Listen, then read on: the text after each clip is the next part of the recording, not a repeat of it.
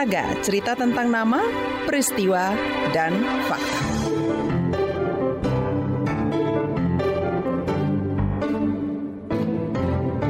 Ahmad Yani tak ingin bernasib sama seperti Salim Kancil yang terbunuh usai memprotes tambang pasir di Lumajang, Jawa Timur 2015 silam. Ketakutan itu yang membuatnya memberanikan diri menemui Presiden Jokowi dengan berjalan kaki dari Mojokerto hingga sampai di Istana Merdeka, Jakarta. Berikut kisahnya. Kemerdekaan di Indonesia ini, kalau seperti ini adanya, kami merasa dicacah di Jawa Timur.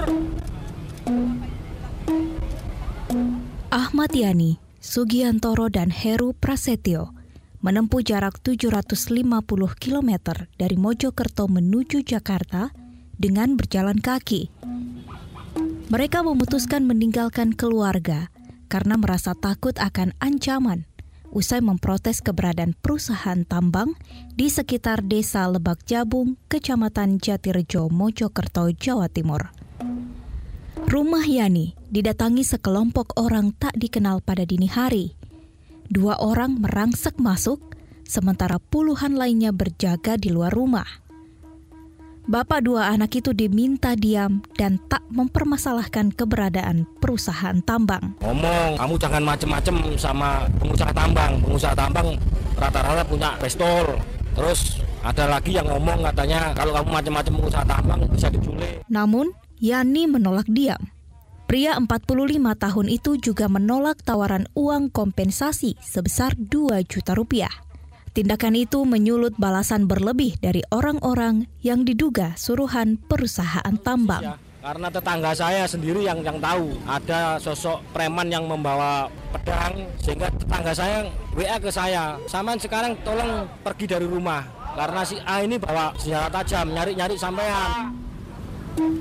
Desa yang dulunya menjadi kota Raja Mojopahit sekarang diporak-porandakan dengan usaha-usaha tambang. Teror itulah yang membuatnya tiba di seberang Istana Merdeka untuk bertemu Presiden Jokowi. Eh, Pak Jokowi, saya mohon dengan sangat tambang yang ada di desa kami dicabut izinnya, entah apa pun itu caranya. Keberadaan perusahaan tambang di Kampung Yani menyebabkan lingkungan rusak. Penambangan batu andesit yang terus beroperasi membuat sungai-sungai di desanya tercemar. Selain itu, juga menimbulkan lubang-lubang raksasa. Salah itu sudah empat kali kejadian kecelakaan yang tenggelam di bekas tambang, keambruan tebing, tidak ada tindakan-tindakan dari pihak e, mana pun sih, ya cuman mati ya dikubur gitu aja seperti hewan. Yani bersama dua kawannya memilih bertahan di Jakarta sebelum Presiden bersedia menemui mereka. Saat ditemui KBR, kondisi Yani tampak letih dan kurang tidur. Uang sumbangan dari tetangga sebesar 600 ribu di sakunya semakin menipis. Sekarang tinggal 40 ribu tinggal ber, bertiga ini. Itu berapa hari itu Pak? Ya sampai ketemu Pak Jokowi. Lebih baik mati kelaparan di sini lah daripada saya pulang tanpa perlindungan. Tolong kami Pak Jokowi. Di rumah setelah kami melaporkan ke gubernur Jaringan Advokasi Tambang Jatam menyebut apa yang dialami Yani dan petani lain di Mojokerto merupakan bukti pemerintah lalai melindungi warga negaranya. Koordinator Jatam Merah Johan Syah mengatakan, jumlah izin perusahaan tambang di Jawa Timur meningkat sejak 2012. 500 persen ya, kalau kita lihat sebelum otonomi daerah sampai sekarang. Jumlah izinnya meningkat drastik, terutama tadi itu tambang-tambang pasir, batu, kerikil, pasir besi di pesisir selatan, sama penambangan kars untuk. Sayangnya meningkatnya jumlah izin tambang juga seiring dengan masih adanya kriminalisasi terhadap penolaknya.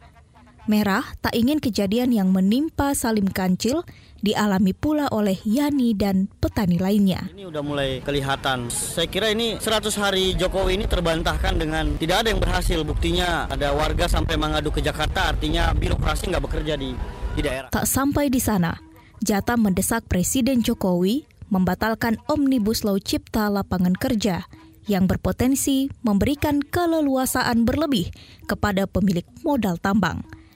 Ia meminta pemerintah melakukan moratorium terhadap izin perusahaan tambang di Indonesia. Omnibus Law belum disahkan, tapi dampaknya udah dirasakan, ya kan? Pelanggaran HAM masa lalu nggak selesai, pelanggaran HAM saat ini dan seterusnya mulai terjadi. Demikian saga yang disusun jurnalis KBR Wahyu Setiawan. Saya Friska Kalia. Terima kasih sudah mendengarkan.